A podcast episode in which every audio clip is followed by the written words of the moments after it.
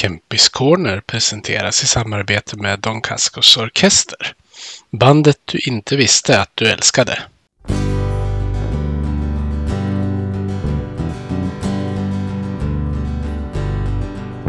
Vi hejar på Modo, rödvit och grön. Klubben i hjärtat, en känsla så skön. Övik, ja, Övik, ja, där trivs vi bäst. Med matcher i lyan, ja, då är det fest. För vi älskar Modo. Vårt hjärta är rött, ja, vi älskar Modo. Vårt hjärta är rött. Vi älskar att vinna och hatar förlust. Men alltid vi hyllar vårt lag, hjärtats lust. Övig, ja, Övig, ja, med matcher i lyan, ja, då är det fest. För vi älskar Modo. Vårt hjärta är rött,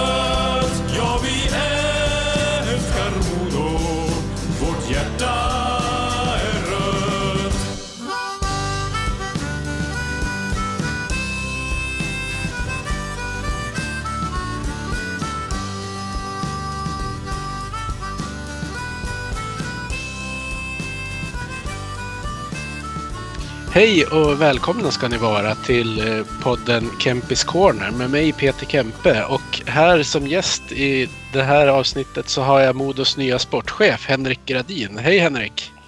Hej Peter! Varmt välkommen till podden. Jättekul att du vill vara med. Ja, men tack så mycket. Det är kul att få vara med. Eh, Jag har ju två sådana här standardgrejer jag brukar börja den här podden med. Jag vet inte om du har hunnit lyssna på något avsnitt? Ja, jag har nog lyssnat på något i alla fall. Inte på slutet här, men ja. Eh, Första frågan som jag brukar ställa till mina gäster är vilken anknytning har du till Modo? Ja, min anknytning till Modo är väl egentligen att jag flyttade... Dels är jag från Härnösand, i, uppvuxen och född i Härnösand. Och det var rätt naturligt att Modo var det laget man höll på då. Och följde på den, på den tiden på, på 80-talet.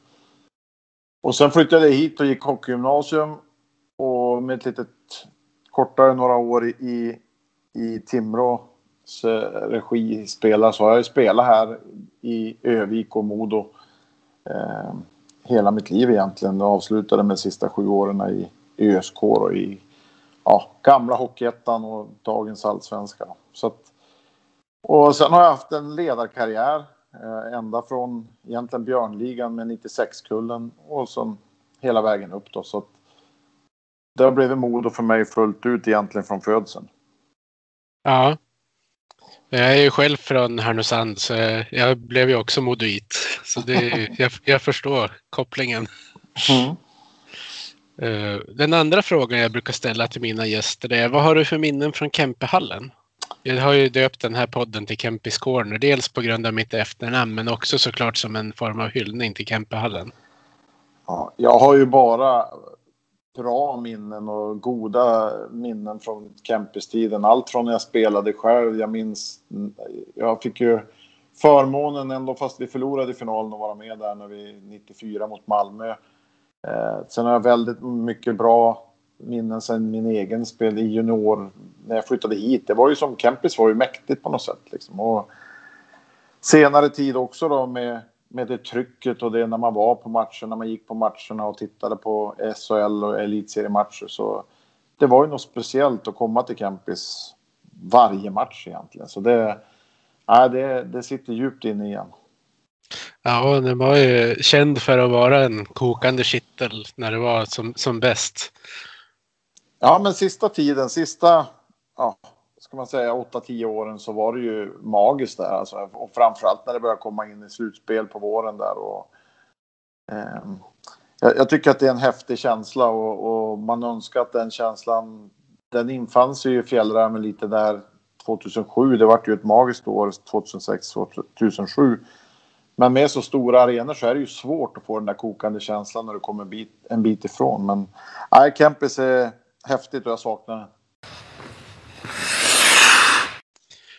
då tänkte jag att vi ska flytta lite fokus till dig istället. Eh, jag tänkte börja med att prata om din spelarkarriär. Så jag, först och främst så frågar jag, när började du spela hockey och var började du åka skridskor någonstans? Ja, men jag började nog väldigt tidigt tror jag i, i, i Härnösand där och, och jag skulle tro att det var en fyra, fem år.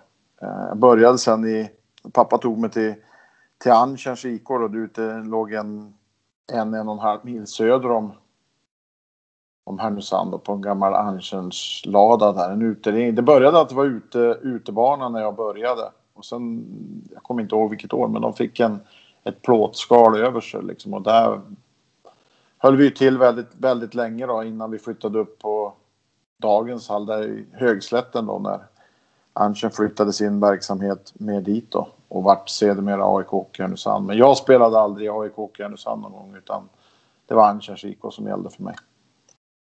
Ja, min korta hockeykarriär som var på ett år, då var det också där ute man höll till och spelade. Fast jag spelade faktiskt i Älgarnas regi. Jag vet inte hur länge de hade ett hockeylag. Det kan inte ha varit så länge. Nej, men älgarna var rätt, när jag växte upp var älgarna rätt stor. Då, då var det väldigt rivalitet mellan älgarna och, och, och Anchen där. Men ja, det är svårt att säga årtal, men jag skulle väl tro fram till 84, 85 så nog tror jag att älgarna stod sig rätt, var rätt stora i Härnösand då. Ja, det, det, kan ha varit runt, någonstans runt 90 eller så som jag spelade. Då var det väl bara liksom pojklagshockey skulle jag tro med Björnligan och det. Ja, de hade ju... Jag minns ju när man var liten Road som sprang på A-lagsmatcherna. Då hade ju älgarna väldigt bra lag. Kent Norberg och, och, och, var ju väldigt ung men väldigt talangfull. Det, det, det, var en rolig, det var roliga derbyn. Då var man ju så långt ifrån det här med elitserie och det utan det var ju det som hände där. Det var ju häftigt som fanns i Härnösand och det var, det var, det var kul. Ja. Uh, du är ju som sagt uppvuxen i Härnösand. Hur tycker du förutsättningarna att spela hockey var där då? Där och då tycker jag det var jättebra. Eh, vi hade som sagt, vi höll till ute i Anchen och vi hade, det kändes som det var obegränsat med istider. Eh, vi var där väldigt mycket på allmänhetens åkning. Vi hade ett bra gäng där med 73 och 72 och, eh, som höll ihop väldigt bra. Vi var väldigt mycket där på allmänhetens åkning. Så att jag tycker det fanns mot för jag hör att det är där nere i Härnösand idag så var det ju fantastiska möjligheter och förutsättningar för oss att kunna spela hockey. Ja. Uh, när flyttade du till Övik och Modo då? Jag flyttade 89 uh, när jag hade gått ut nian och skulle börja gymnasiet. Jag kom in på ishockeygymnasiet här uppe och flyttade hit då och kände väl egentligen nästan alla som, som var här då. Vi hade ju ett framgångsrikt TV-puckslag där med, med 73-kullen och de flesta i, i våran hockeyinventag kom ju från, den, från det laget. Så det kändes som att det var inte så mycket nytt mer än att det var att flytta hemifrån. Det, det var ett stort steg men det var otroligt bra killar. Vi hade en fruktansvärt bra kamratskap och så det var ett väldigt enkelt val och en, i mitt, i mitt fall i alla fall en väldigt enkel flytt. Ja, ja det var ju den där TV-puckskullen, det var speciell. Ja, men det, det, blev ju så liksom. Vi, vi gjorde väl ett lite misslyckat, på den tiden hette det Folksam Cup, året innan TV-pucken och där vi vi fick väl inte ihop det så bra som vi hade hoppats och det kändes som att TV-pucken, Kent eh, tillsammans med, med Rulle Burström där fick ihop oss på ett himla bra sätt och, och alla drev på, liksom, vi hade våra roller. Det låter konstigt där och då, men det kändes som att alla visste vad vi skulle göra och vi hade ett gemensamt mål att det var vinst som gällde. Liksom. Vi, det kändes från dag ett att det här ska bli någonting bra av det hela och vi hade ju många spetsspelare i den gruppen också där och då. Magnus Wernbloom var ju och Marcus Näslund tillsammans med Fredrik Bergqvist, Peter Forsberg de var ju liksom ett snäpp över alla oss andra och, och, det tror jag det tror jag märktes. De drev gruppen väldigt bra. Ja, det finns ju en, eh, när de filmar en sån här klassisk TV-pucken lineup så jag tror visst är det Andreas Salomonsson som flörtar med kameran där Är det någonting som ni har pratat med han om efteråt? Ja, vi, vi hade faktiskt ett, ett litet bett där. Vi var, vi var en tre, fyra stycken som hade bestämt oss för att göra det. Men eh, tydligen var det bara Salle som hade lite guts där, för alla vi andra ballade ur och inte vågade. Vi vart väl så tagna av stundens allvar där, så det var bara han som vågade och, och det var ju en liten signifikativ grej. Det var, det var coolt faktiskt. Så att, eh, men, men vi andra ballade ur, vi var för fega. Ja. Eh, men det, det, finns ju många som har pratat om inställningen och tävlandet på hockeygymnasiet. Eh, hur upplevde du det?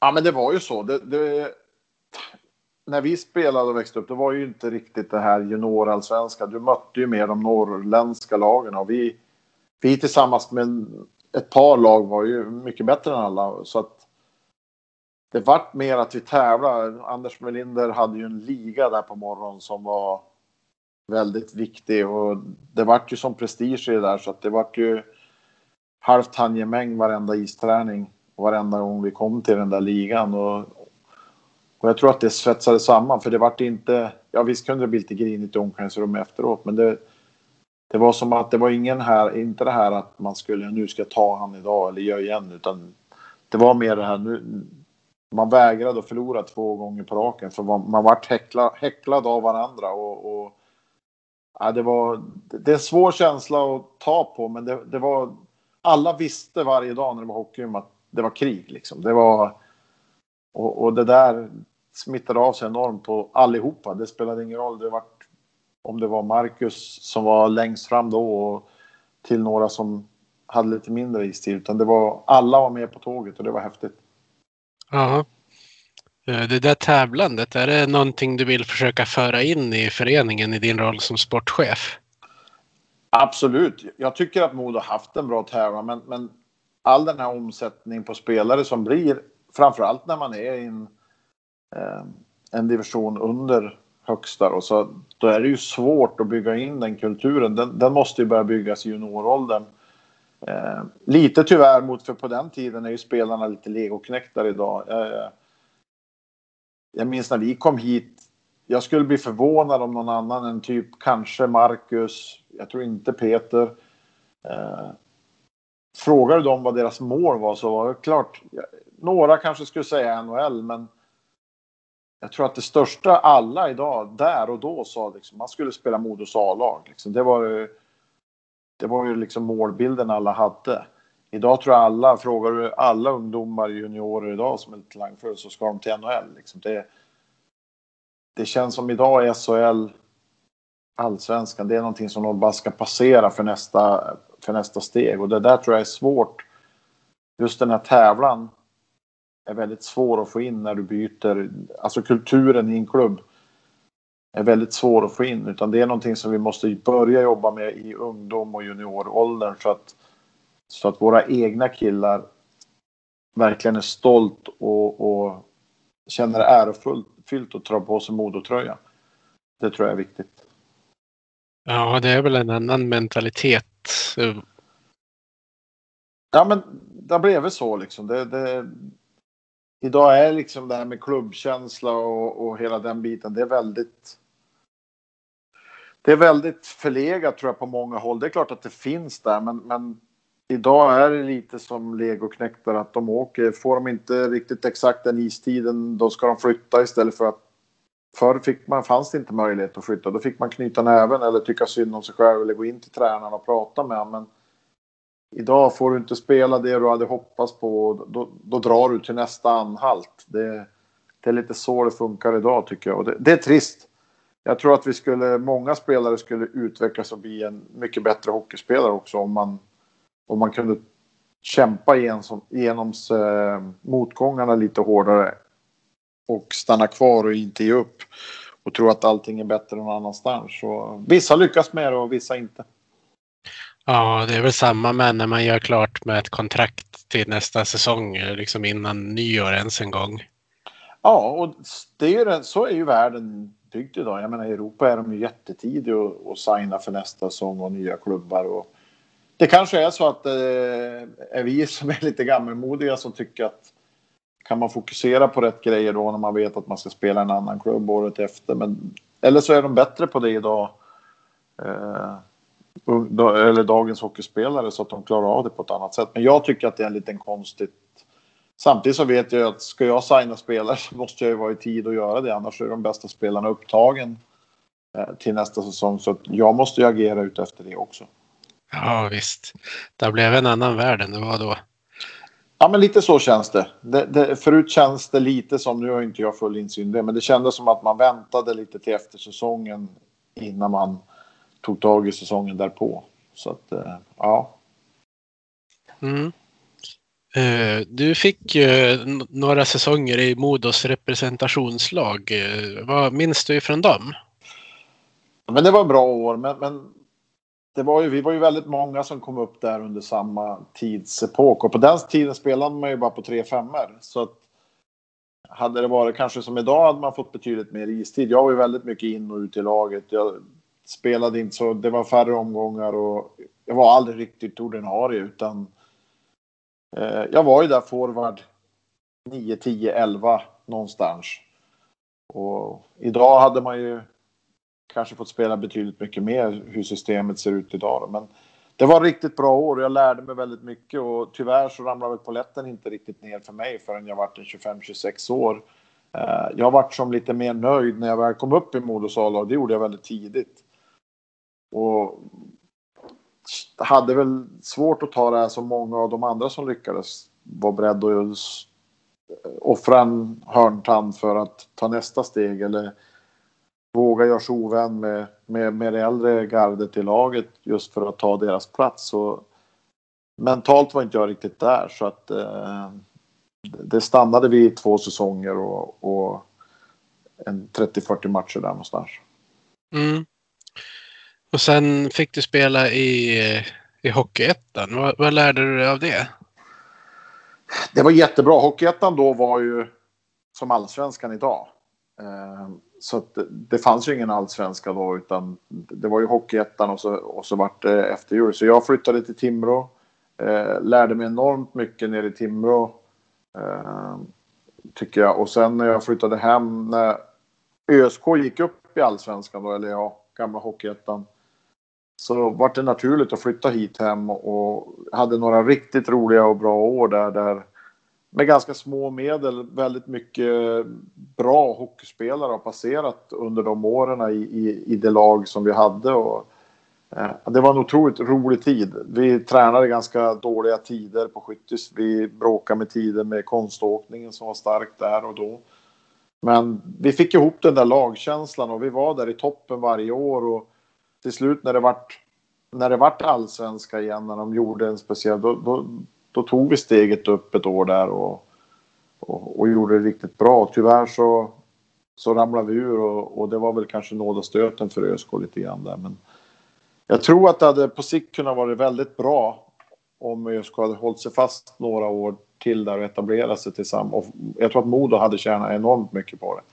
Men det var jättebra år och år som jag är väldigt nöjd och stolt med i, i min egen karriär.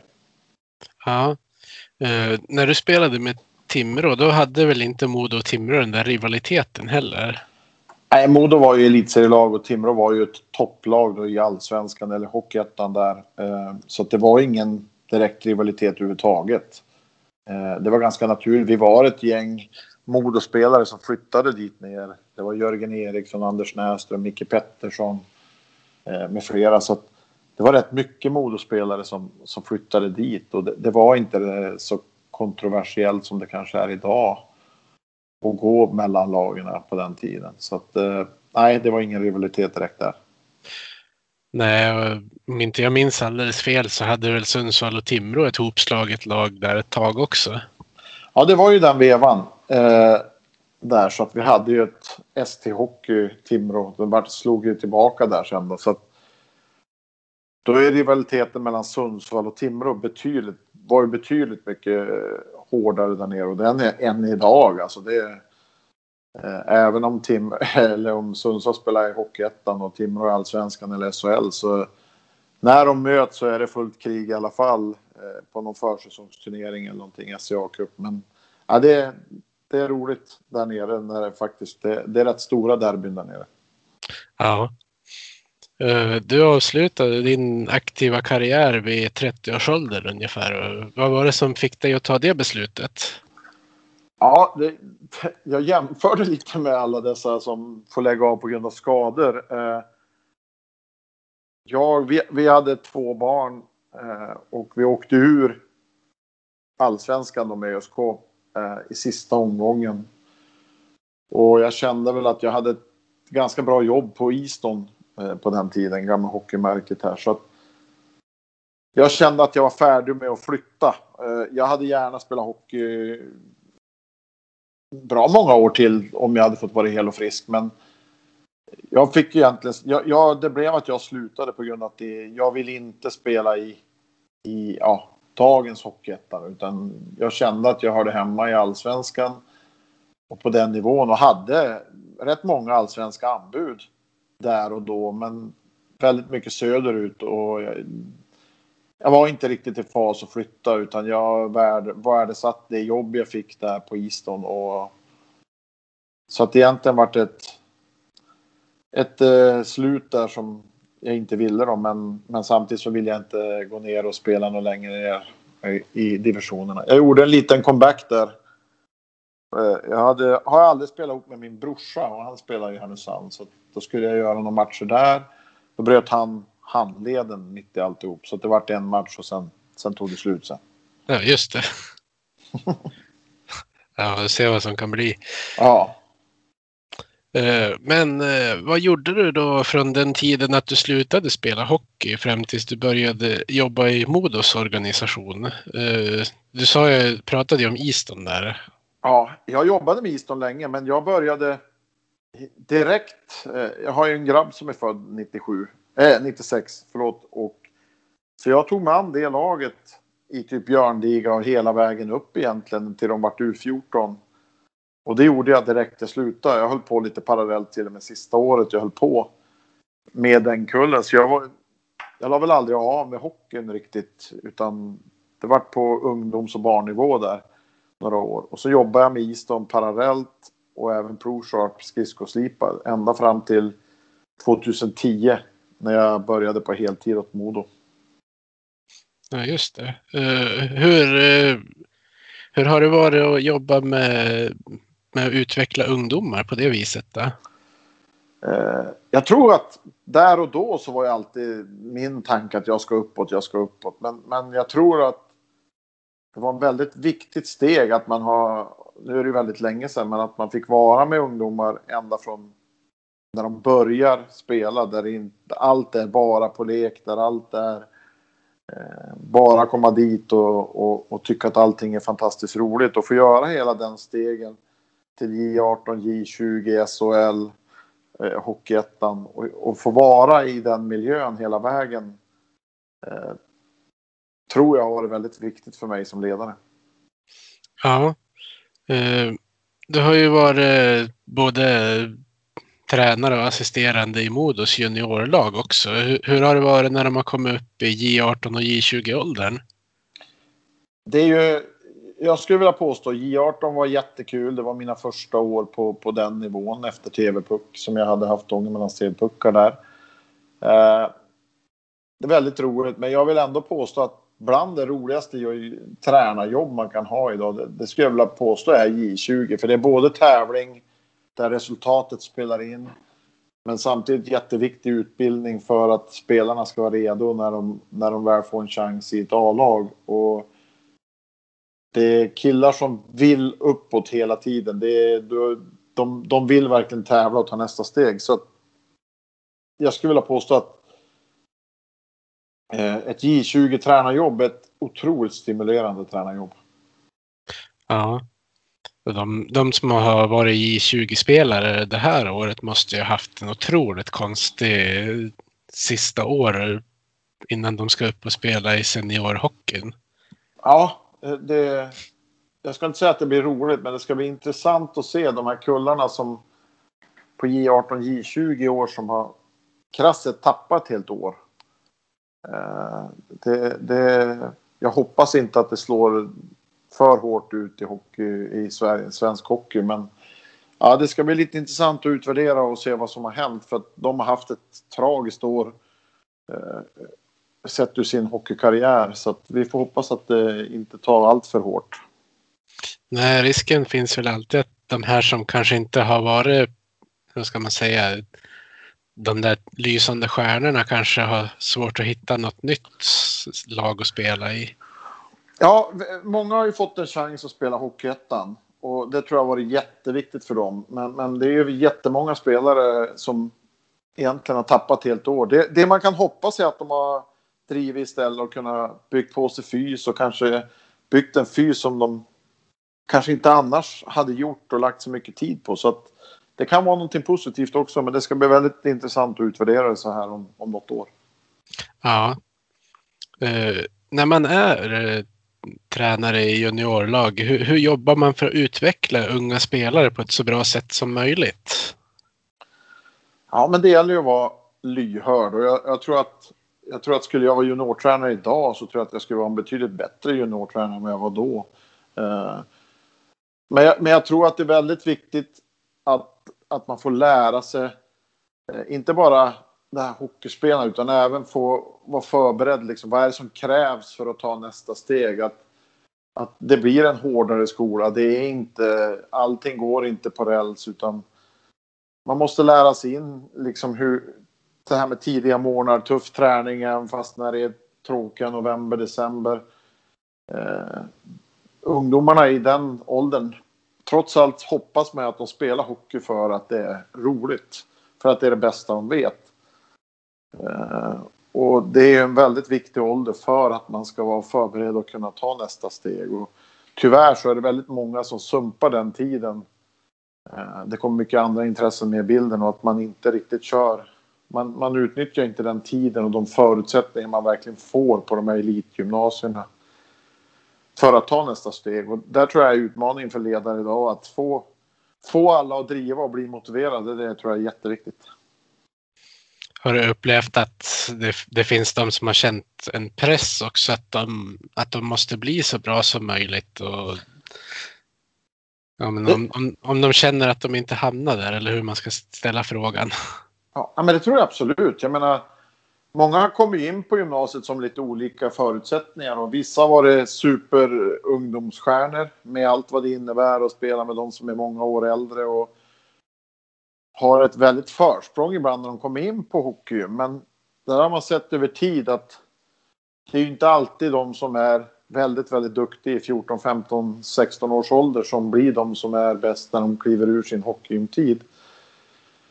Eh, på olika sätt och jag tror att det är en väldig press för många som kommer. De kommer in som lite stjärna från TV-puck eller stjärna från ungdomslandslag.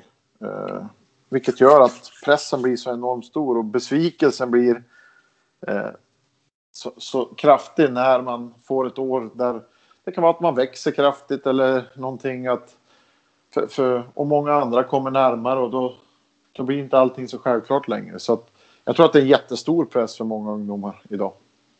Ja, Eh, jag tänker också på när eh, en del spelare ser andra i samma årskull få chansen i A-laget gång på gång men de själv är kvar i juniorleden. Är det, är det någonting man, man märker som tränare och får prata med dem om då?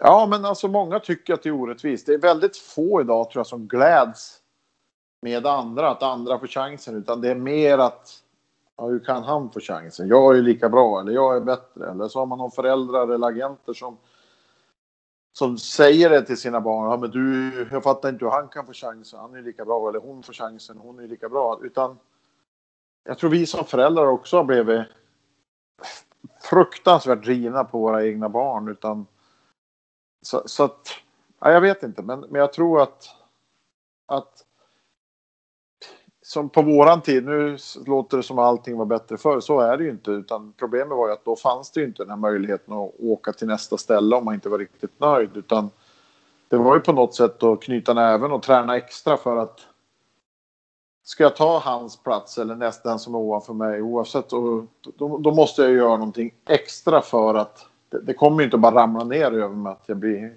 får chansen. Utan, och där tycker jag att det är det som skiljer det stora idag att man tar, många tar den enkla vägen ut för att andra får chansen istället för att se att fasen kan han. Om man tycker att man är bättre så är det ju väldigt lite då som behövs för att man behöver bevisa att jag är. Jag är ju där också.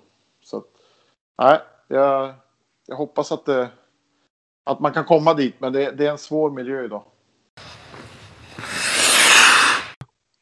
En, en, annan fråga som jag tänkte på, det är det här när man jobbar för en förening. Försöker man utveckla spelare för deras eget bästa eller för föreningens bästa? Är det svårt med den balansgången? Ja, det är det.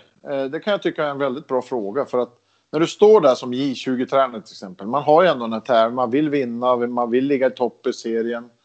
Eh, jag kan tycka att vi kanske skulle haft tyd lite tydligare ramar vad, vad vi vill som förening.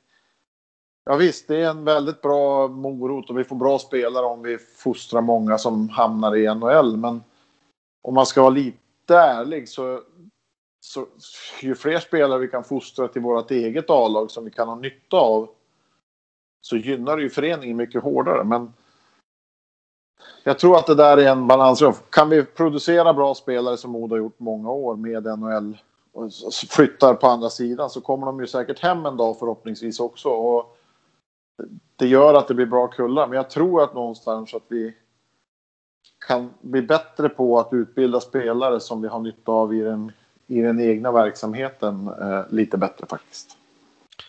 Ja, är det någonting du kommer att försöka sätta ramar för nu när du har tagit rollen som sportchef?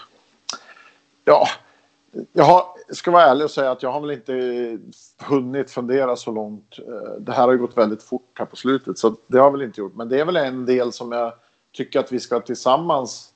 Det, det här är ju ingen enmansshow utan någonting vi ska sätta oss ner tillsammans eh, med junioransvariga, juniortränare, och övriga i, i sportsliga verksamheten där vi ska sätta en tydlig målbild. Vart vill vi och, och vad vill vi åstadkomma? Utan, så det tror jag är jätteviktigt. Men, men det är en sak som vi absolut ska, tycker jag ska ta och fundera på.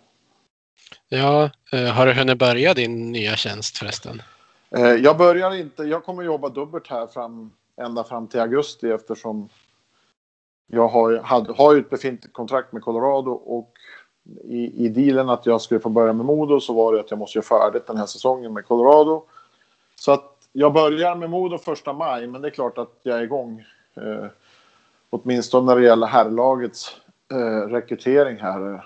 För att vi måste ju sätta ett lag så att vi har ett lag på benen när vi, eh, när vi går på isen. Så det är full gång. Eh, sen de här vanliga vardagliga frågorna.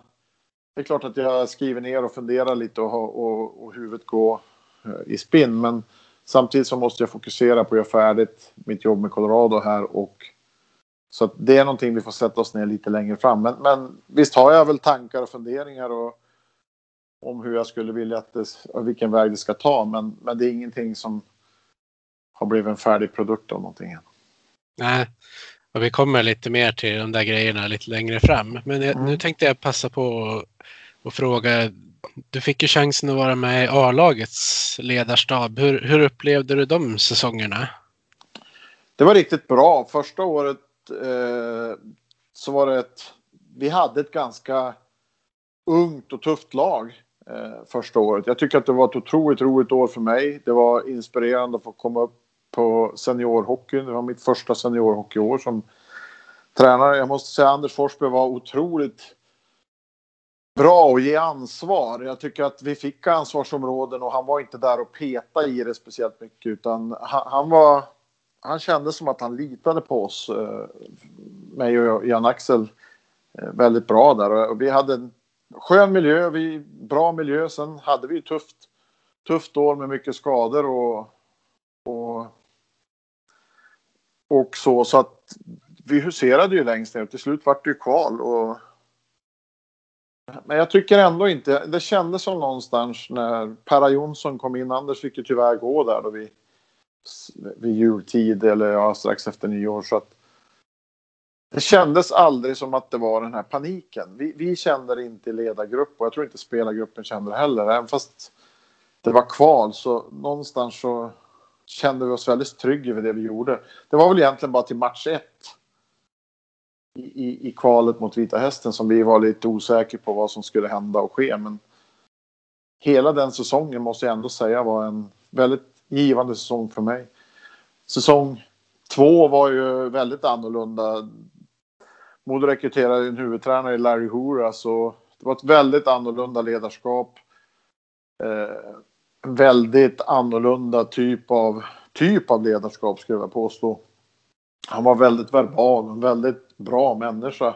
Så, men hade väl inte riktigt pluggat på den hockey som jag anser att man som spelades i Sverige utan han, han kom ju egentligen med en sydeuropeisk eh, europeisk stil med mycket man-man-spel och det funkade inte i SHL och tyvärr så tog det väldigt mycket för, för lång tid för honom att inse det.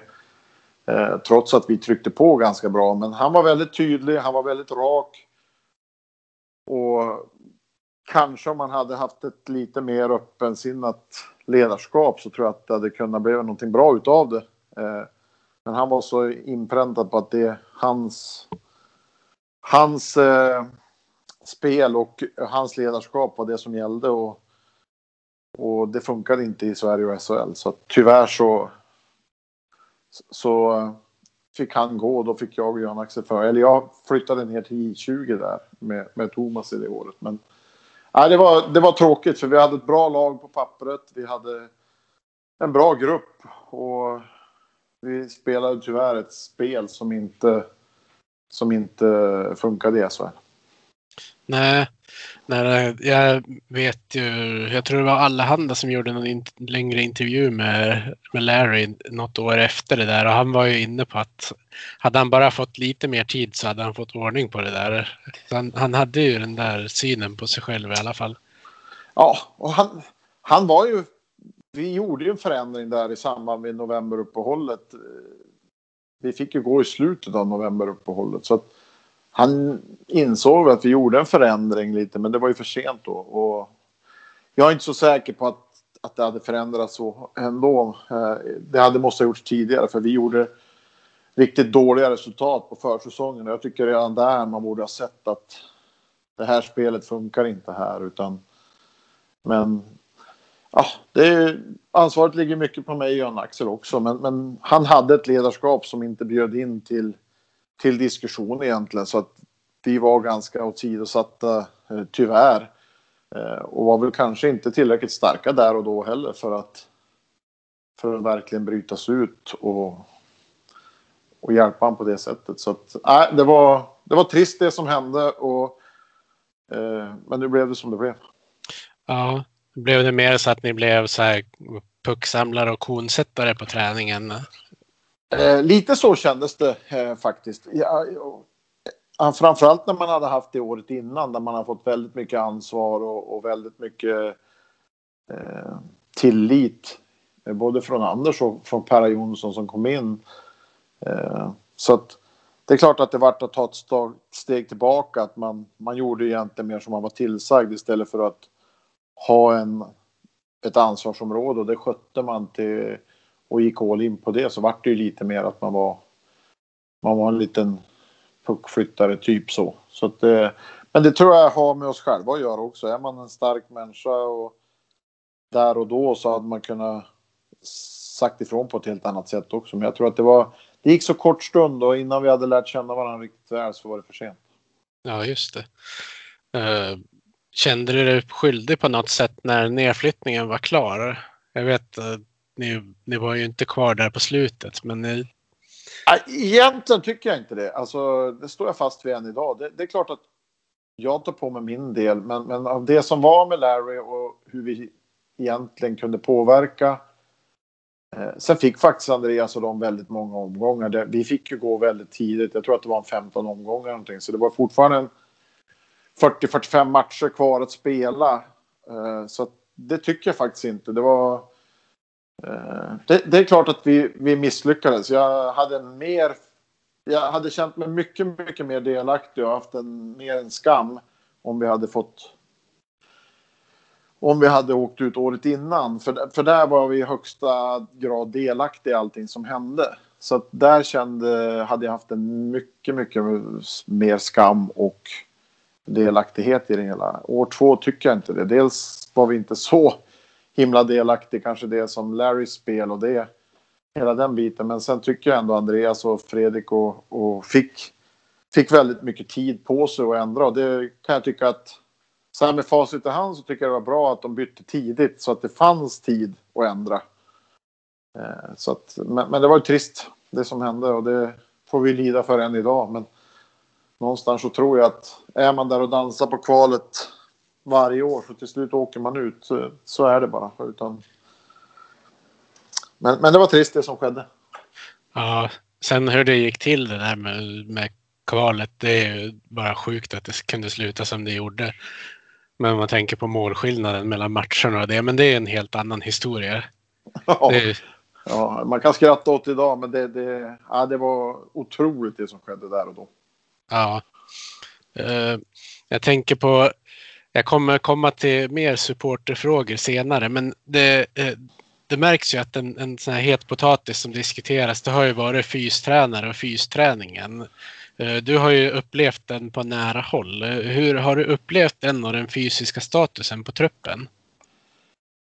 Jag kan inte, på min tid när jag var där så har jag väldigt, väldigt svårt att förstå de som var belackare på fysen.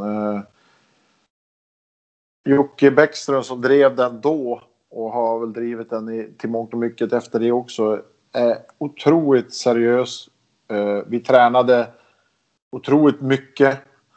Sen är det klart att då tror jag om du skulle fråga Jocke att han fick skruva tillbaks och då hade han eh, tillsammans med huvudtränaren, för många huvudtränare sätter ju liksom hur de vill att laget ska träna också. Så då tror jag att han hade velat ändra en viss del. Det tror jag absolut. Men eh, jag tror mer det här, om man ska vara någonting idag som jag säger att jag skulle vilja förändra så är det mer den här fysen kring Ute kring eh, den dagliga verksamheten på vintern. Eh, från försäsongsträningen tror jag Modo har slagit rekord varenda år i testvärlden. Samma testvärden som jämförs i alla andra föreningar som ska vara så fantastiskt bra tränad. Så att, Eh, Eh, jag har all tro på det som Jocke och de har gjort. Däremot så tror jag att det vi måste fundera på lite det, det är den träningen runt isen som vi gör under vintertid. Eh, där tror jag det finns grejer och, och, och justera och fixa till. Eh, men, men, det här med att Modos fys ska vara sämre under försäsongsträning, det tror jag inte ett dugg på. Nej. Eh, sen följde ju två säsonger som huvudtränare för Sundsvall och Övik för dig. Vad, vad tar du med dig från den tiden? Eh, Sundsvallsåret var jättelärorikt för mig. Det var ett fantastiskt år. Jag trivdes jättebra i Sundsvall och tillsammans med Stefan Lindqvist och, och, och Roger eh, Magnusson som eh, jobbade inom klubben så var det skapades en fantastisk mycket fantastiskt här, men, men en, eh, otroligt bra eh, Hockeyettan-miljö. De åkte ju ut från allsvenskan året innan, och, vilket var jättetrist. Det hade varit jättekul att vara där när det var allsvenskan, men eh, vi skapades otroligt bra förutsättningar för, på den nivån och jag tror spelarna som var där då också tyckte att det var jättekul, jätteroligt och eh, det var otroligt kul. Och jag hade gärna varit kvar där fler år. Tyvärr så drabbades klubben av eh, en ekonomisk smäll där som gör att de valde att lägga ner herrlaget och damlaget eh, på grund utav att inte slå omkull föreningen i sig för att det är en väldigt stor förening i ungdoms, ungdomslag och den. Så att det, det var nog ett väldigt klokt beslut att göra men det, var, det slog väldigt hårt där och då för att jag trivdes jättebra.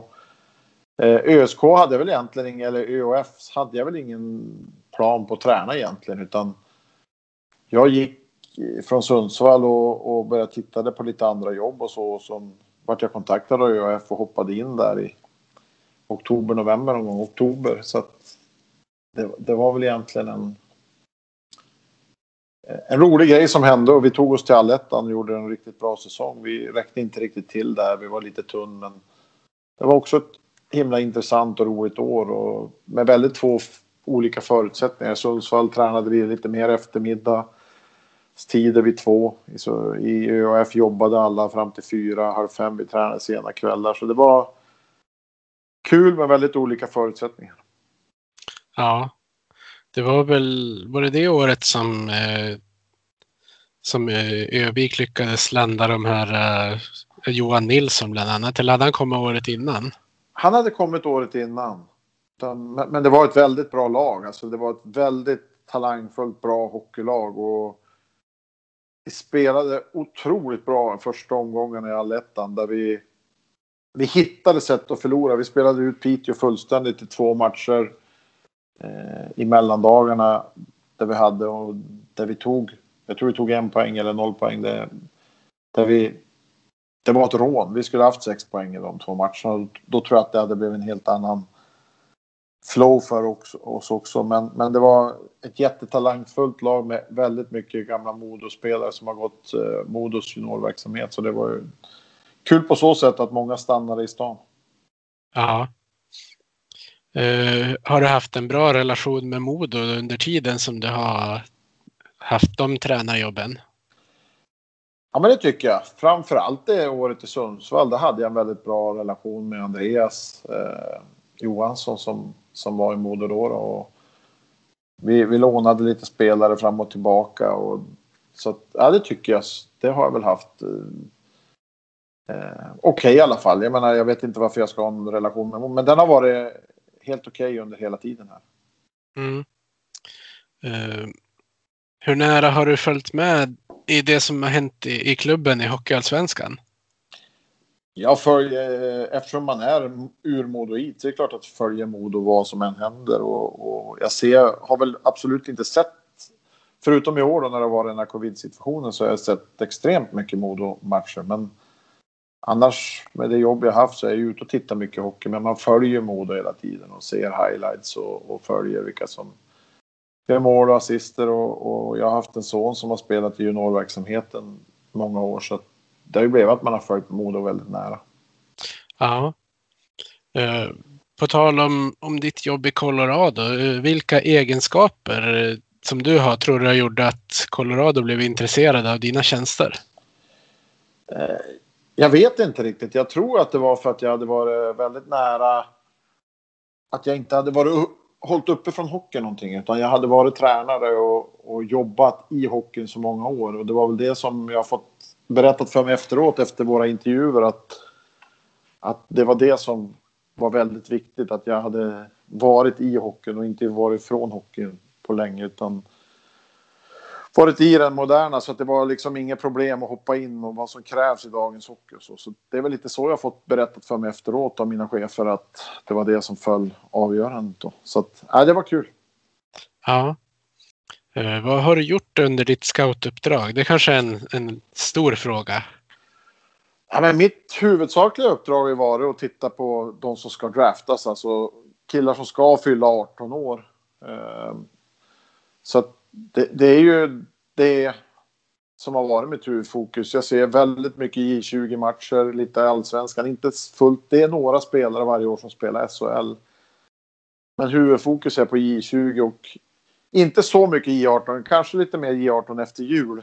Eh, när de spelar den här allsvenska serien. Men eh, väldigt mycket J20-hockey och, och ska ju skanna av egentligen alla spelare i hela Sverige. Eh, jag har haft som målsättning att se, se alla J20-lag minst fyra till sex gånger under en säsong. Eh, så, så det blir en hel del resande. Plus alla landslagsturneringar. Ja, om du skulle uppskatta, hur många matcher ser du på en säsong? Ja, men det är väl någonstans 150 till 200 beroende lite på eh, turneringar och, och, och, så. Men det ligger någonstans, någonstans där. Eh, närmare 200 än, än, än 150. Men ja, där någonstans. Måste du fixa kreditering själv till varje match då? Eller hur funkar en sån sak? Ja, junior behöver vi inte. Där är ju bara att ansluta och gå in egentligen. Eh, SHL allsvenskan, då har vi. Vi har sån här scout-legitimation så att det är egentligen mer på att man minst 24 timmar, timmar innan an, anmäler sig att man då får man ofta en plats på presssektionen på SHL och allsvenska. Så det är egentligen där, bara där det behövs och så på landslagsturneringar. Men, men eh, eh, annars, är det, annars är det bara fritt in och, och gå på alla arenor. Just det, men det är en sån här grej som man inte hör någonting om. Man hör ju att folk är där och kollar men man vet inte hur de kommer in. Ja. Nej, så att vi, vi har ett eh, scoutlegitimation då tillsammans man köper. Det är, eh, vi betalar en slant till SHL Allsvenskan för att få sitta där uppe i, man gör, och får ett pass tack vare det. Då, så att, så att, alltså det, är för, det är ganska enkelt. Det är år det har varit lite krångligt men allt har väl varit krångligt den här säsongen. Så att... Ja visst. Eh, men eh, vad ingår när du ska scouta en, en talang? Jag tänker om du lägger märke till någon.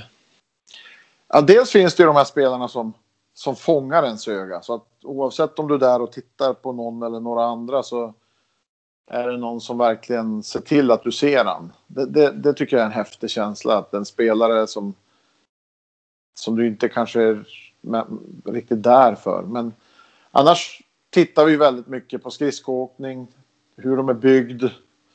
Eh, kan vara en väldigt lång spelare eller stor spelare som är väldigt som ser väldigt tan ut och det gäller man.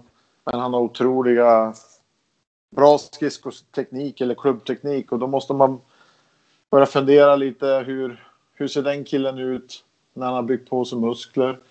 Det kan vara rätt viktigt att se hur föräldrarna ser ut. Eh, för att se att vad han för förutsättningar. Ser mamman och pappan ut som två metsnören också så kanske det är svårt för killen att bygga på sig muskler.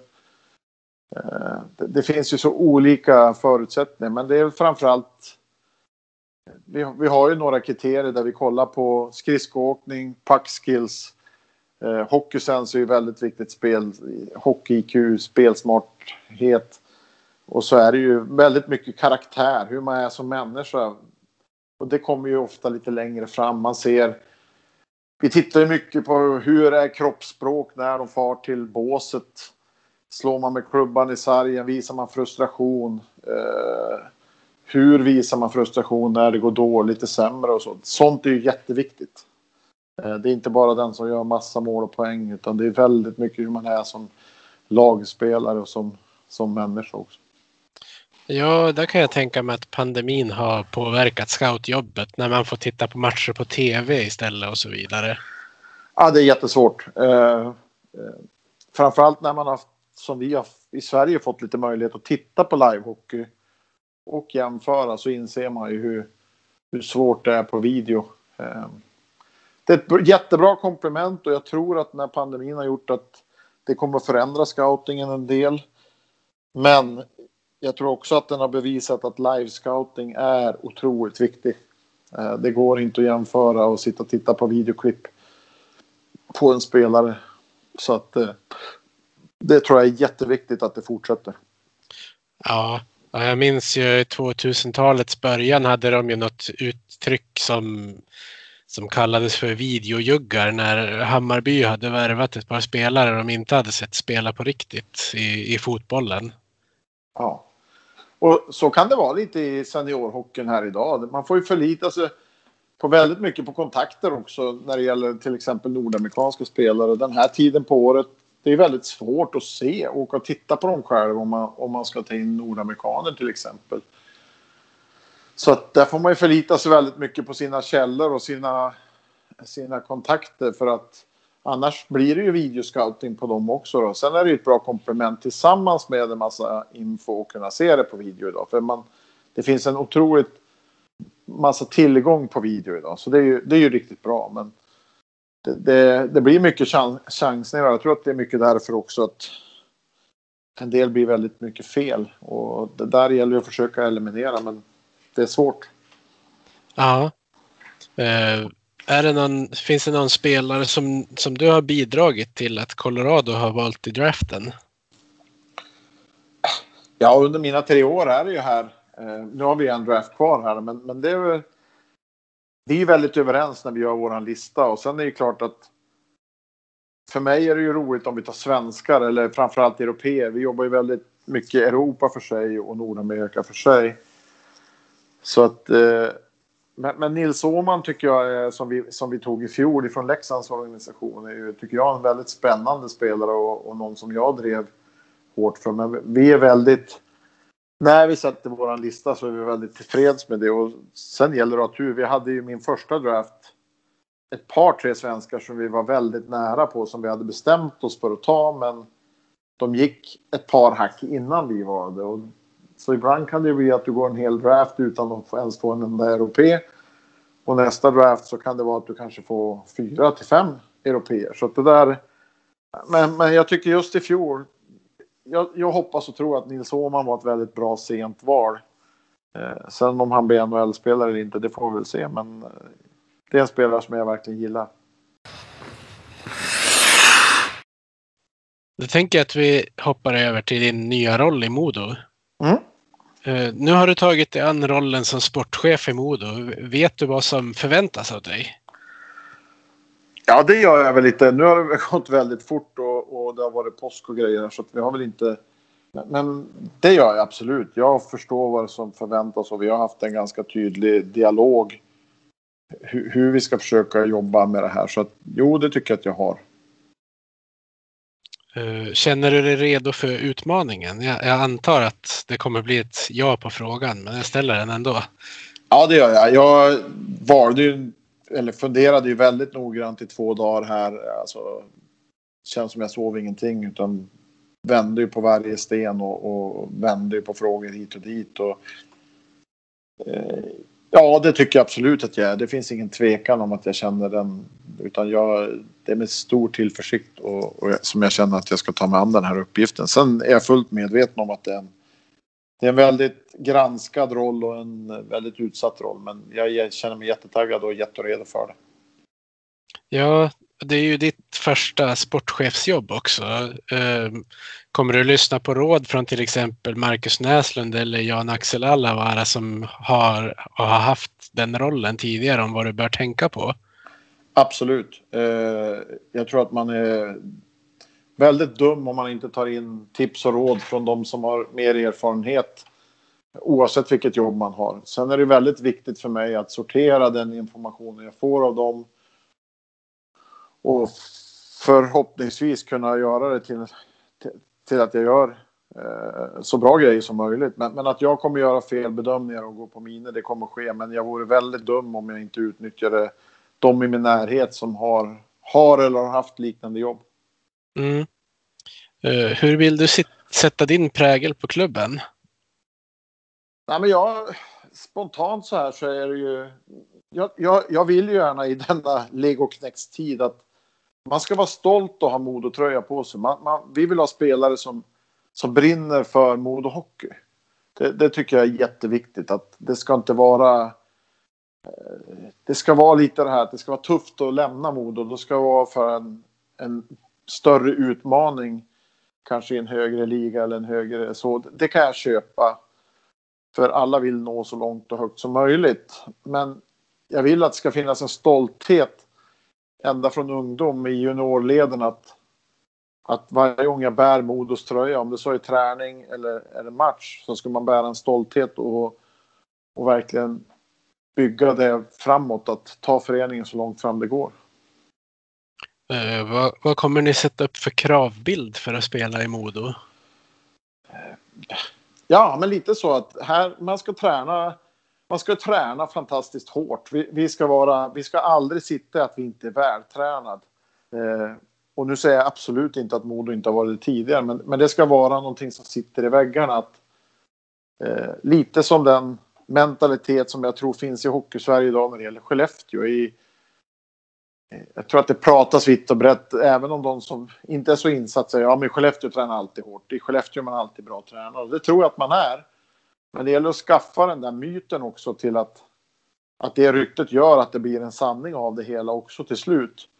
Och inte bara att vi är vältränade en säsong eller si, utan det är någonting som måste byggas upp över tid. Och, och bra karaktärer som, som är beredd att offra en hörntand för att vi ska vinna matcher. Liksom det, det, det, tror jag är viktigt och det är väl lite den så vi vill ha det i Modo. Ja. Som den där typen som du sa själv att du inte var i början av intervjun. Ja, men absolut. Eh, det, även när jag var istränare och, och, och tränare så jag var ju väldigt mycket, eller är väldigt mycket den person som jag egentligen tycker att jag inte var som spelare själv. Eh, om det har hjälpt till att jag vet vad som saknades så har jag kunnat rannsaka det på ett bra sätt. Men samtidigt så har jag fått vara med och tävla i den miljön. Där jag vet vad som krävs och där, där väldigt, väldigt många gick väldigt långt i sina karriärer. Och, vad som krävdes där och då. Sen är jag ju fullt medveten om att det har blivit ett modernare samhälle och det är på ett annat sätt idag. Men det, jag kräver väldigt mycket av de som jag anställer och de spelarna jag har. Och jag kräver väldigt mycket av mig själv och att andra ska kunna kräva väldigt mycket av mig. Det, det, det tycker jag ska vara en ömsesidighet. ömsesidighet. Men, men jag, jag, tycker att vi ska ha hårda krav på oss när det gäller den dagliga verksamheten. Ja. Uh, man får ju se det lite krasst så här. Du kommer ju till en klubb som undvek kval neråt den senaste säsongen. Tror du att det kommer göra att det blir svårt att rekrytera ett bra lag? Eh, jag tror att vi kommer att sätta ett bra lag på pappret. Eh, när, när, ett bra lag när vi, när vi drar igång i augusti. Eh, det, det, tror jag. Men, men jag tror absolut att det, det är inte lika lätt idag att få de här äh, toppskillade spelarna till Modo just nu. Modo står nog inte högst i hierarkin. Eh. Så det är klart att det kommer att krävas lite extra för att få spelare att komma hit. Det, det tror jag absolut. Samtidigt så är Modo fortfarande ett välrespekterat varumärke. Och det är väl det vi ska försöka bygga upp igen. Att, att, att det ska vara en ära att få komma till Modo. Sen måste vi vara realistiska att vi spelar i andra ligan. Och vi var faktiskt i botten i andra ligan idag. Men det, jag tycker inte Modo ska ska, man ska titta sig i spegeln och man, vi ska göra om, göra rätt. Men vi ska inte acceptera att vi gör sådana här säsonger. Det, det tycker jag är, den kravbilden och den stoltheten ska vi ha mod att vi, vi får aldrig acceptera att vara ett, på nedre halvan i Hockeyallsvenskan. Sen att det kommer att ske och det kan ske igen. Eh, det är möjligt, men då gäller det att vi är väldigt förberedd. Att vi inte faller så att vi måste börja om hela tiden utan det, det, vi kommer att göra platssäsonger men, men vi ska aldrig acceptera tycker jag att vi ska ligga på nedre halvan i Hockeyallsvenskan. Nej. Eh, vad känner du är ett rimligt mål att sätta för din första säsong? Det kanske är svårt att säga innan du har spelat truppen på plats. Men man ja, måste ju ha någon målsättning. Ja men absolut. Och, och nu har väl inte hunnit komma så långt i den. Det, det, jag ärver ju en, en, en, stor del av en trupp och, och en verksamhet när man kommer in så sent som jag gör nu. Eh, men jag, jag är fullt och tror att jag tycker att vi ska ha en, en målsättning och en tro att, att vi ska spela slutspel varje år. Och i slutspel i Hockeyallsvenskan nu innefattar att man, man tävlar om att att eh, tack vare att det är en direktplats till, till SHL så att jag tror att över tid kan vi kan vi få den stabiliteten att vi alltid ser oss själva som ett slutspelslag eh, så kommer vi någonstans att, eh, att växa in i den rollen och till slut när, när vi har det där året där det verkligen funkar allting då, då kanske vi står längst upp. Men jag tycker att målsättningen första året ska absolut vara att vi ska spela slutspel nästa år och, och det tycker jag är rimliga krav. Mm. Eh, har du något mandat i tränarfrågan? Ni står ju utan en, en huvudtränare för tillfället. Eh, vi står utan bägge tränarna egentligen för tillfället och eh, vi, vi jobbar väldigt hårt i den frågan just nu och det är väl en av de viktigaste punkterna vi har på agendan här och nu. Det gör ju lättare både att rekrytera spelare och ger ett litet mer lugn eh, i, i, i i föreningen också när det är satt. Men jag hoppas och tror att det är klart väldigt snart här. Men, men vi jobbar väldigt hårt för den, för den biten just nu. Ja, eh, kommer ni låta eh, den tilltänkta huvudtränaren att välja sin egen assisterande? Ja, det tycker jag är en väldigt viktig del i det hela. Han, sen kanske vi, vi gör ett val tillsammans. Så, så kommer det nog bli. Men, men för mig är det eh, som gammal tränare väldigt viktigt att, att man är en del i den rekryteringen. För att man, man lever ihop. Eh, huvudtränare och assisterande tränare lever ju väldigt nära ihop under väldigt intensiv period i 8-9 månader. Så att det är jätteviktigt att man funkar som människor eh, tillsammans. Så det, det är jag jättenoga med att man ska få vara med och, och i rekryteringen om det. Eh, kommer Modo som förening vilja spela ishockey på ett speciellt sätt? Ja, men alltså det, jag tycker att det är lite klyschigt. Man säger att vi ska spela en snabb och intensiv hockey. Och, ja, och, och, och, det vill man ju.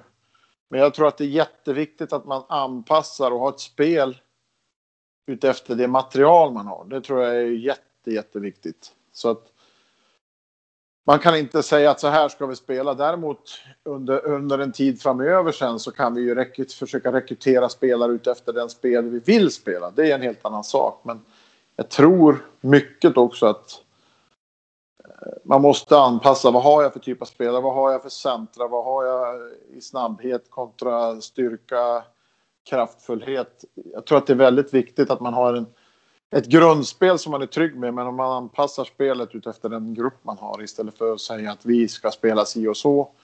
Och så har vi inte den riktiga gruppen för att spela den, den hockeyn. Så att det tror jag, jag tycker att det är lite klyschigt att säga att vi ska göra si och så. Men däremot så ska man kunna se en röd tråd i vårat, i vårat spel. Oavsett om det är försvars eller anfallsspel. Men eh, det är ju tränaren väldigt, väldigt viktig. Ja. Uh, vilken position i ett hockeylag anser du är, är viktigast? Ja, det, det, är också lite klyschigt, men, men det är väl klart att en bra målvakt är ju jätteviktig. Eh, samtidigt så en bra målvakt blir ju inte en jättebra målvakt över tid om inte försvarsspelet sitter. Eh, det, det, kan jag tycka är lite beviset i år. Där Modo kanske, där vi hade kanske seriens bästa, en av seriens bästa målvakter i Anthony Peters. Men eh, man blir ganska mänsklig över tid om du har ett försvarsspel som inte riktigt funkar. Mm. Så att målvakten tycker jag är en väldigt viktig position, så är det. För målvakt kan vinna många matcher själv. Men över tid så, så krävs det ett välfungerande försvarsspel för att det ska funka. Ja, jag gillar ju det här citatet som Sir Alex Ferguson sa en gång. Att med anfall vinner du matcher men med ett bra försvar så vinner du titlar. Ja, och det ligger ju jättemycket i det. Det är en klassisk, ett klassiskt citat men, men, men, men det ligger ju jättemycket i det. det du, du kommer ju inte kunna prestera på topp offensivt varje match och då gäller det att ha en trygghet i det du gör och där du skapar både dina, dina situationer framåt eh, men framför allt att du är väldigt trygg i bakåt så att du inte släpper in så många mål. Ja, ja för Modo släppte ju ärligt talat in alldeles för många mål för att spela högre upp den här säsongen i tabellen. Ja, men det var väl om man så här snabbt ska analysera det så var det väl försvarsspelet som var eh, akilleshälen i år. Liksom. Det, så är det. det. det. funkar inte om man tror att man ska vara topplag med det försvarsspelet. Det tycker jag man såg när man mötte bra lag som Timrå, Björklöven etc. Då, då var det som att man respekterade motståndarna på ett helt annat sätt och fokuserade på försvarsspelet. Och då visade det sig att man kunde utmana alla lag. Eh, men det där måste du kunna göra. Det, det, får inte spela någon roll vilka som står på andra sidan utan det där ska ju vara någonting som sitter i ryggmärgen och styr ditt spel varje dag. Ja, Uh, känner du att du har tillräckligt bra koll på Hockeyallsvenskan för att veta hur du vill sätta ihop ditt första lagbygge? Uh, ja, det tycker jag. Ja, men det tycker jag. Jag har ju följt hockeyn väldigt, väldigt nära eh, de senaste tre åren. Eh, både i allsvenskan, en del i Hockeyettan också och SHL framför allt. Så att, eh, det, det, det, tycker jag absolut. Sen, sen som sagt att vårt lagbygge, vi ligger väldigt långt fram i vårt lagbygge Eh, vi har några spelare som inte är presenterade också än. Så att det är inte så himla många platser att fylla. Så att, eh, det gäller att vara väldigt noga med de sista platserna här så att eh, vi får ett lagbygge som vi känner oss tillfreds med. Ja, eh, på tal om det. När kan man förvänta sig en första uppdatering om lagbygget inför nästa säsong? Ja, men den första uppdateringen tror jag nog vi kan börja släppa till veckan här. Eh, till kommande vecka, det, det, tror jag att vi ska börja med. Men som sagt, eftersom jag nyss kommit in på posten. Eh, några spelare ska ju lämna och vi har väl inte riktigt. Eh, vi ligger väl inte riktigt i fas med all, alla sådana grejer heller. Så att, eh, men, men då tror jag att några spelare kan vi presentera här till veckan. Så det, det tro, hoppas och tror jag. Vill du ge en hint om någonting vad det kan tänkas vara? Nej, det, det vill jag passa på faktiskt. Det, det florerar ju väldigt mycket rykten ute i, i Sverige idag. Och visst, det kan ligga någonting i, i vissa av dem, men, men det är vissa som inte stämmer överhuvudtaget heller. Så att, nej, ja, tyvärr så vill jag nog att vi presenterar spelarna eh, vid ett och samma tillfälle.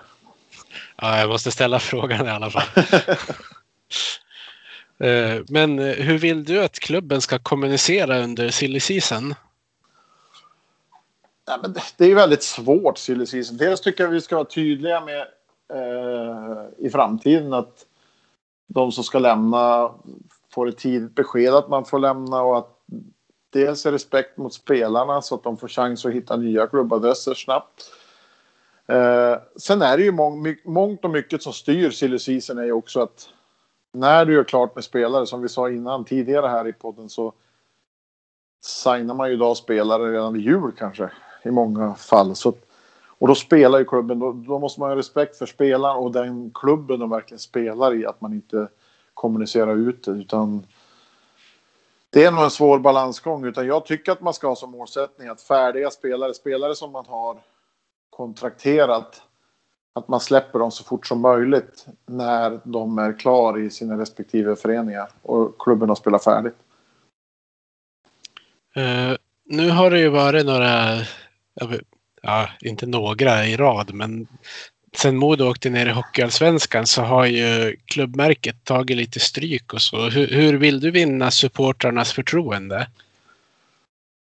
Ja, det är, det är ju en väldigt stor boll att ta i. Eh, alltså, jag påstår att vår verksamhet vore ingenting utan våra supportrar. Vi har fantastiska supportrar som eh, förmo förmodligen har haft några tunga år här. Eh, I fjol var ett bra år, men då slogs det undan benen undan. Inte av det sportsliga resultatet utan av den här pandemin då, vilket gjorde att det inte gynnade oss moriter eh, någonting. Men, men det är ju en väldigt bred bild. Men, men, men jag hoppas och tror att vi, att vi kan komma nära våra fans igen och våra supportrar och, och vara väldigt öppna mot. Eh, jag, jag, tycker att man måste vara väldigt ödmjuk eh, som förening och som klubb när vi inte har motsvarat de förväntningar som kanske ställs.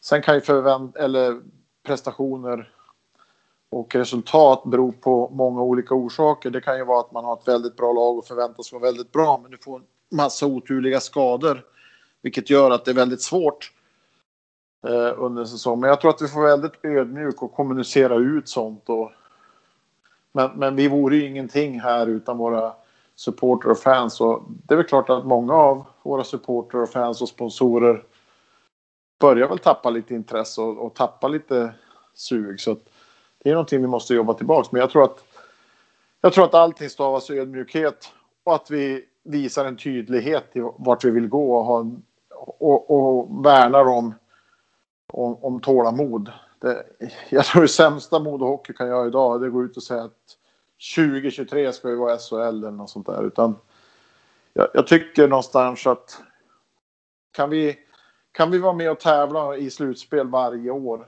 i Hockeyallsvenskan. Då kan det ske om ett år, det kan ske om fem år eller sju år. Så är det, men, men vi måste ha en grund att stå på. Det året när vi går riktigt bra, då gäller det att vi kan trycka till det sista också. Men, men väldigt stor ödmjukhet är väl det jag vill stava till när det gäller fansen. Mm. Uh, vilka steg vill du sätta mot ett långsiktigt mål? Ja, men det är väl lite det som jag sa här att att bygga upp en trygg och, och, grund i organisationen, i den sportsliga organisationen framför allt. Att, att vi är trygg, vi, vi, vi tror på det vi jobbar, att vi justerar våran, våran mål och plan. Eh, skruva på den lite varje år så att den blir ännu bättre. Men att när det kommer såna här år som typ i år, att inte resultaten faller in och det låser sig på många positioner. Att vi faller inte ner till golvet igen och så ska det börjas om och det ska sparkas folk hit och dit. Utan att vi har, vi, vi vet att det vi gör funkar. Sen att det där specialåret kommer där det inte riktigt funkar. Likväl som att det kan komma åt andra hållet. Att man kan gå upp i SHL när man inte är riktigt redo att gå upp i SHL. Då, då måste vi ta ut efter där. Men, men grund och botten att vi har en trygg organisation där vi som jobbar runt sporten eh, tror på det vi gör och verkligen följer våra planer eh, när det går dåligt också.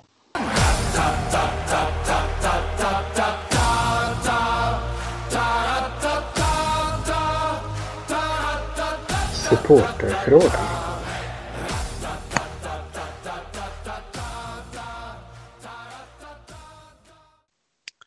Eh, Då tänker jag att jag ska avsluta med lite supporterfrågor. Jajamän.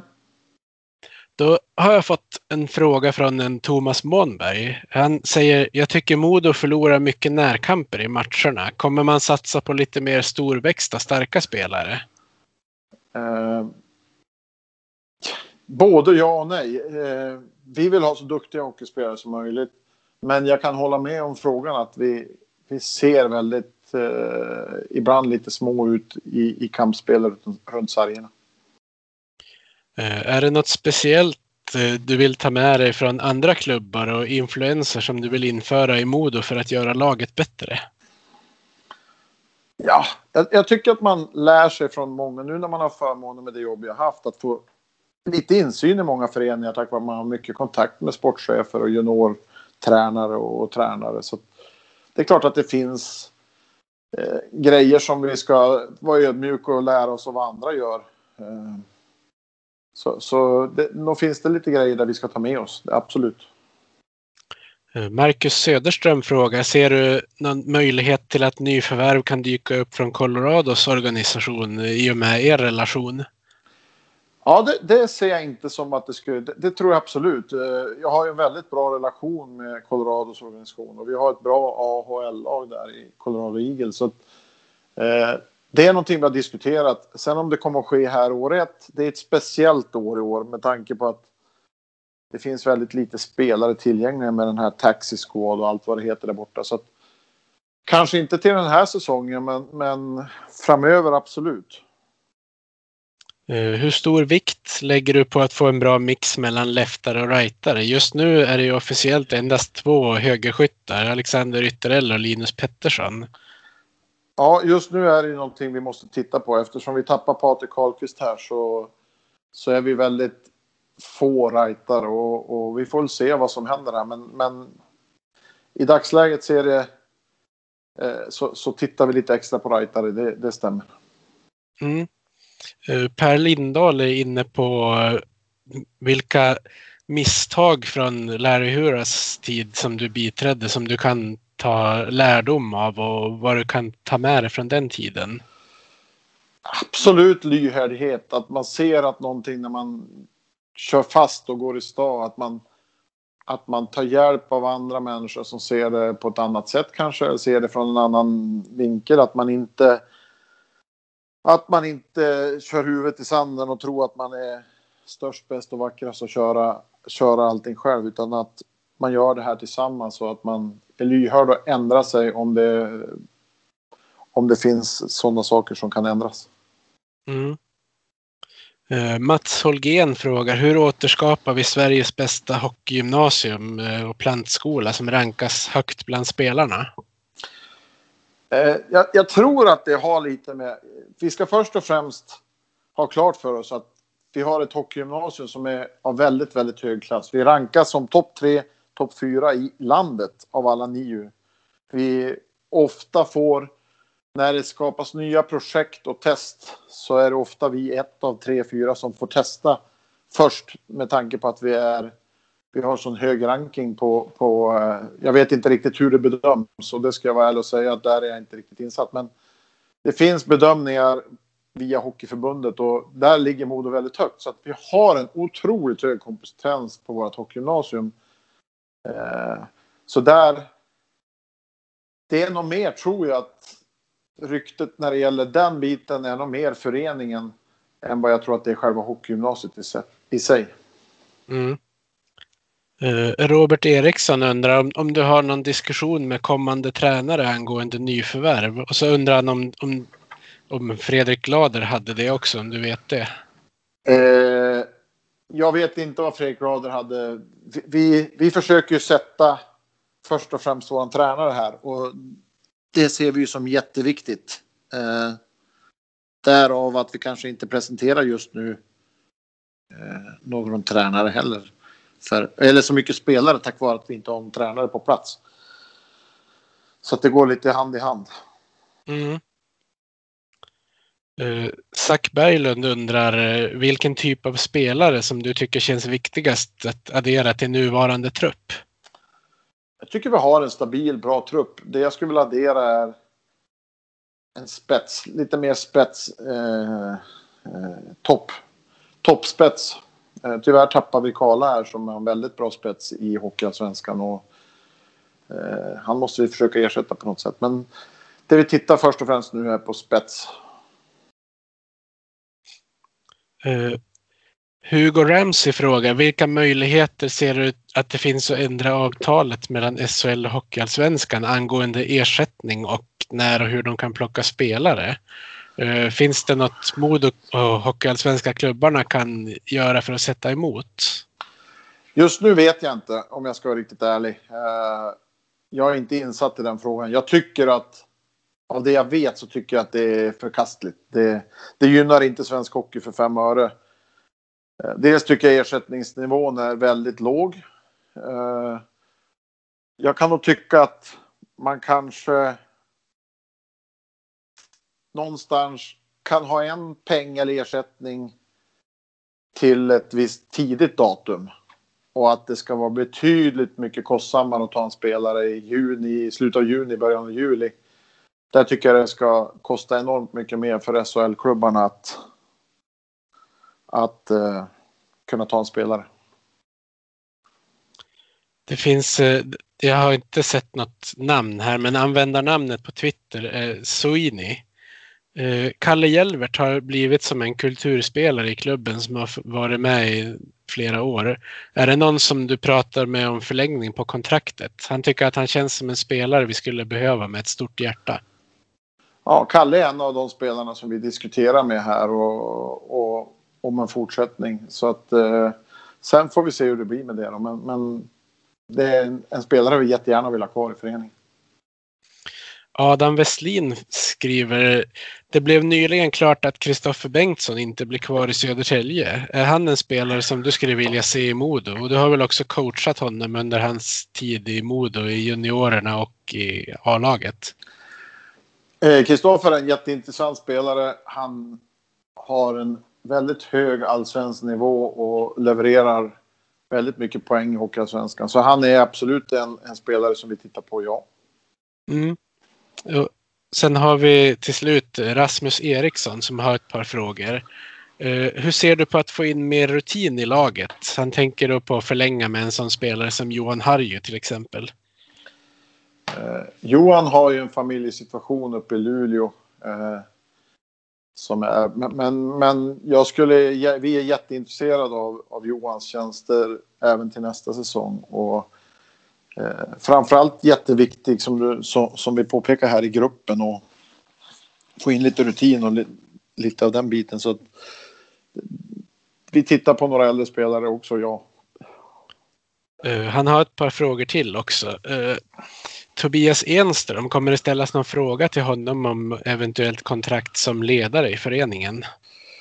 Uh, det har jag inte satt mig in överhuvudtaget ännu egentligen vad som gäller. Men, men jag har väl uttalat mig lite här att jag skulle vilja ha med eh, alla modoiter, gamla modoiter i olika typer i föreningen. Sen, sen, kan man inte vara aktiv i föreningen. Eh, eh, så många och ta inputs, men, men åtminstone liksom en delaktighet i allting. Och, och Tobias är ju en med ett stort moderhjärta och, och bryr sig väldigt mycket om Modo. Så det är klart att Tobbes, Tobbe, Tobbe vill vi ha, försöka ta reda på om han känner att han vill och är sugen på det.